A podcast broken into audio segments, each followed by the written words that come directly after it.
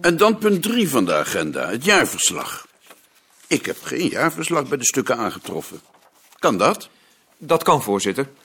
Ik ben er nog niet aan toegekomen. En de jaarverslagen over 1975 en 1976? Die wilde ik tegelijk doen. Mag ik daar een opmerking over maken, voorzitter? Ik ben wat later.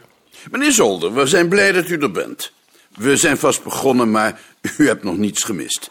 Meneer de Groot? Het moet mij van het hart, voorzitter, dat wij ons op het departement wel eens zorgen maken over het uitblijven van de jaarverslagen van de directeur. Ik kom net uit Ketelhaven, maar wat we daar weer voor problemen hebben. Oh, niet te beschrijven. Ik vraag mij af, voorzitter, of het departement geen gewichtige zaken heeft om zich zorgen over te maken. Ik vertel het straks wel. Die zijn er ook. Maar als ik begin oktober het departement waarschuw dat er geen geld meer is en een extra subsidie aanvraag om in ieder geval de continuïteit in het werk te verzekeren, dan krijg ik nul op het rekest. Omdat er geen geld meer was. Dat maakt u mij niet wijs. U maakt mij niet wijs dat het departement niet nog ergens een potje heeft waaruit dit soort noodzakelijke uitgaven gedaan kunnen worden. Nee, dat hadden we niet. Wil ik u dan eens wat zeggen? Dan schiet ik niet tekort, maar dan schiet u tekort. Want de consequentie was dat ik tegen de aannemer moest zeggen dat het geld op was. Hebt u wel eens uitgerekend wat dat het Rijk kost? Dat is niet mijn probleem, dat is uw probleem. Het is uw verantwoordelijkheid om de subsidiegelden zo over het jaar te verdelen dat deze situaties zich niet voordoen. Weet u eigenlijk wel waarover ik praat? Ik dacht dat ik wel wist waarover ik praat. Wij praten over een subsidie die hoger is dan voor welk museum ook. U praat over een fooi. En als u daar geen verandering in brengt, duurt het nog 30 jaar voor het museum is afgebouwd. Ik kan me niet voorstellen dat dat de bedoeling van de minister is. De minister heeft niet alleen de zorg voor uw museum. Maar de minister heeft de plicht ervoor te zorgen dat de gelden doelmatig besteed worden.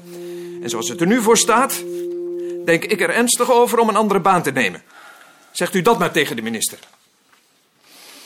Voorzitter, ik stel voor om die laatste opmerking van de directeur niet in de noodhulen op te nemen. Waarom niet? Ik vind er wel degelijk van belang. Omdat ze niet ter zake is. Ik ben dat met koning eens. Ik zou het ook zeer op prijs stellen. Dan toch alleen als de directeur daarmee instemt. Wat mij betreft kan ze ook wegblijven.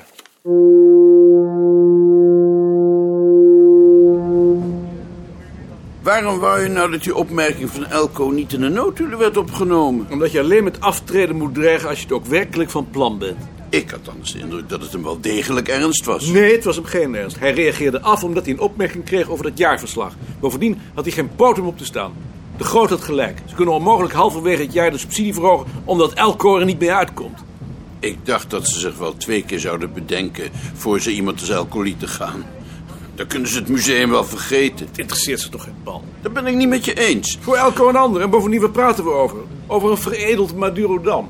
Dat weet ik zo niet. Ik vind het toch wel verrekt belangrijk dat het publiek in de gelegenheid wordt gesteld zich op deze manier een beeld van het verleden te vormen. Ja, dat is toch ook onze taak? Kom jij wel eens in een museum? Nee, nooit. Maar mot dat dan? Want wij zijn geen publiek. Alleen zoiets zeg je niet.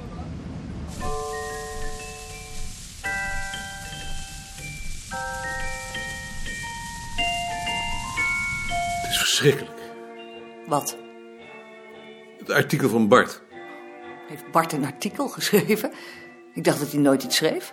Maar nu heeft hij een artikel geschreven. Het is allemaal seks, als je Bart moet geloven. Seks? Ja, seks.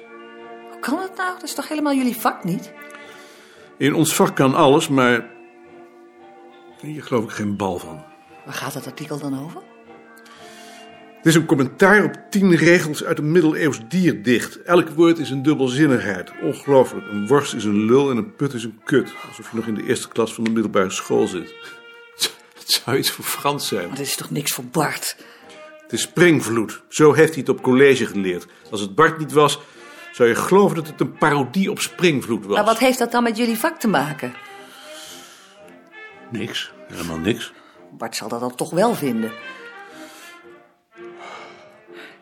Je doet alsof je iets verschrikkelijks overkomen is, maar zo erg is dat toch niet? Hij heeft er 18 jaar aan gewerkt. Nou, dan zeg je dat je het prachtig vindt. Wat doet dat er nou toe? Kan dat nou? Nou, waarom kan dat niet? Omdat ik het niet prachtig vind Hé, natuurlijk. eh, je hoeft niet tegen me uit te vallen. Ik heb dat artikel toch niet geschreven? Ik kan natuurlijk niet zeggen dat ik het prachtig vind. En hij weet ontzettend veel. Meer dan wie ook. Maar hij heeft het kapot geschreven. Dat is het belazende. Nou, zeg dat dan tegen hem. Nee. Ik kan je niet helpen. Nee, jij kunt me niet helpen. Ik had dit alleen totaal niet verwacht. Toen ik het kreeg, dacht ik dat het verdomd goed zou zijn. Er is er dan helemaal niets in dat je goed vindt? Eigenlijk niet. Het gaat in tegen alles wat ik over de middeleeuwen denk en onder het vak versta. Wat ga je doen? Mijn aantekeningen uittikken. Ah, Maar je gaat toch niet weer aan het werk? Je gaat nou toch zeker slapen? Ik tik eerst mijn aantekeningen over. Hoe lang duurt dat dan? Dat kan ik nou nog niet zeggen. Maar dit is toch te gek? Dat je nu ook al je slaap gaat opofferen aan dat bureau. Het lijkt alsof het steeds gekker wordt. Zolang ik ze nog niet heb uitgetikt, slaap ik toch niet. En ik dan? Denk je dan helemaal niet aan mij? Jij kunt er wel gaan slapen. Hoe kan ik nou slapen als ik op jou lig te wachten? Dan ga ik wel in het kamertje slapen. In ieder geval tik ik eerst mijn aantekeningen uit.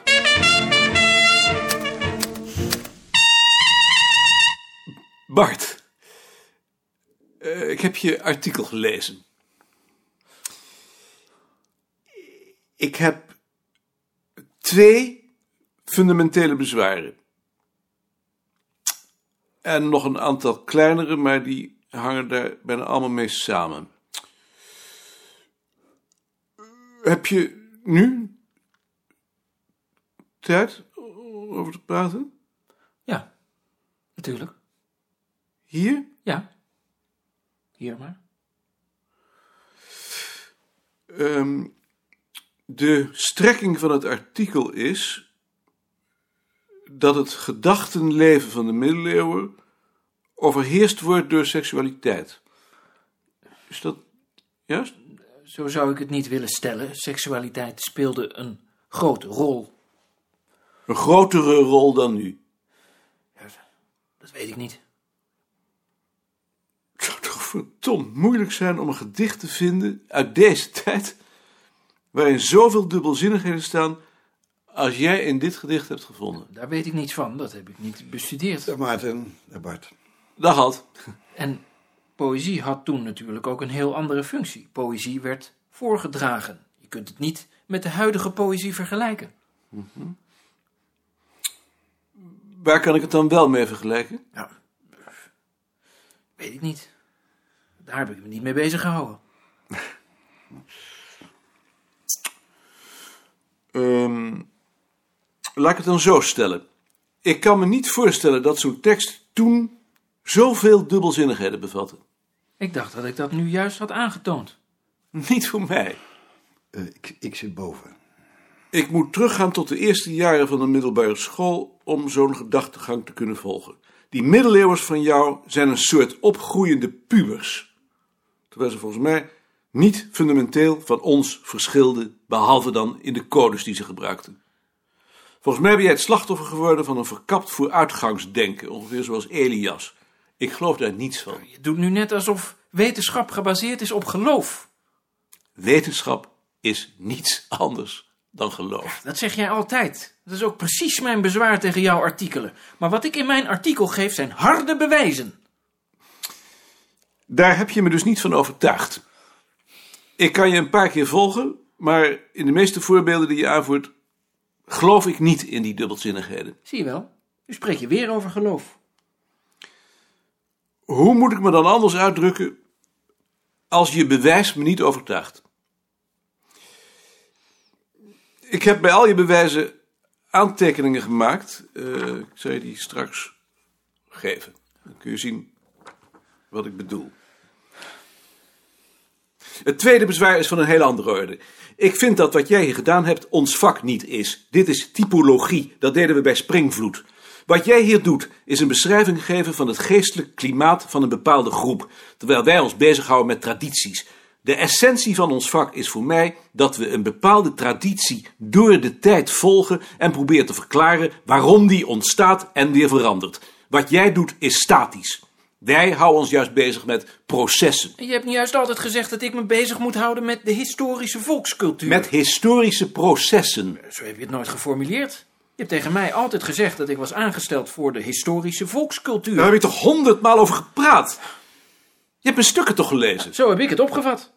Dan heb ik me wel heel onvolledig uitgedrukt. Kun je mij dan toch niet kwalijk nemen? Ik neem je niets kwalijk. Misschien is het beste dat je maar eens begint met mijn aantekeningen te lezen. Als je daar zin in hebt, tenminste. Natuurlijk heb ik daar zin in.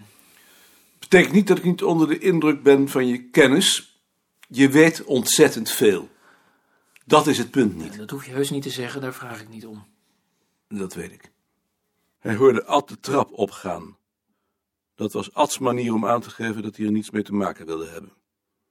Het herinnerde hem eraan dat hij er alleen voor stond. Terwijl hij altijd de illusie had gehad dat ze met z'n drieën de verantwoordelijkheid voor het beleid deelden. Dat was ook de reden geweest dat hij in de tijd Bart had aangesteld. Hoewel hij in bijna alles een tegenpool was, als tegenwicht. In de onuitgesproken veronderstelling dat juist die tegenstelling een garantie was voor de kwaliteit van wat ze van elkaar accepteerden. En nu nog verzette hij zich tegen het inzicht dat het ogenschijnlijk onontkoombare resultaat eerder averechts was. In plaats dat ze elkaar versterkten, frustreerden ze elkaar. De overtuiging dat hij gelijk had en Bart niet, werd er niet door aangetast, maar het ondermijnde wel de grondslag van hun samenwerking en daarmee van de afdeling. Hier zijn je aantekeningen terug. En? Je hebt me niet overtuigd. Je bent een Victoriaan. Dat is mogelijk, maar ik geloof niet dat dat van invloed is op mijn oordeel. Ik dacht van wel.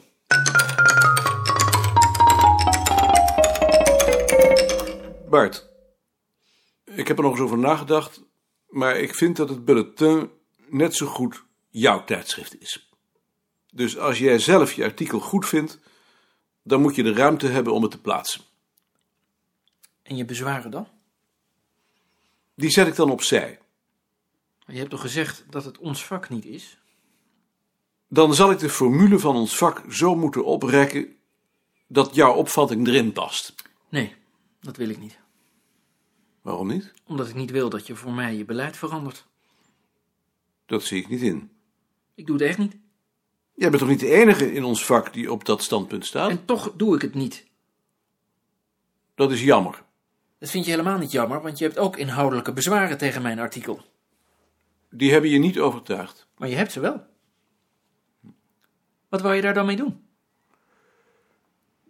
Je zou je artikel ook eens aan Ad kunnen laten lezen, om te kijken of hij die bezwaren deelt. Nee, ik laat het niet aan Ad lezen. Jij vindt het niet goed, dus trek ik het in. Ik wil er eigenlijk ook liever niet meer over praten. Ik begrijp hier niets van. Zo moeilijk is dat toch niet? Jij bent het hoofd van de afdeling, dus jij bent verantwoordelijk voor het beleid. Als jij het afkeurt, dan hoort het niet in het bulletin. Dat is mijn standpunt. Wel een keihard standpunt. Ik dacht dat dat jou nou juist wel zou aanspreken. Spreek me wel aan, maar niet in dit geval. Dat zou betekenen dat jij voor mij een uitzondering maakt en dat wil ik natuurlijk niet. Ik zou toch wel graag willen dat je er nog eens over nadacht. Daar hoef ik niet over na te denken. Ik doe het echt niet. Ik heb het ingetrokken.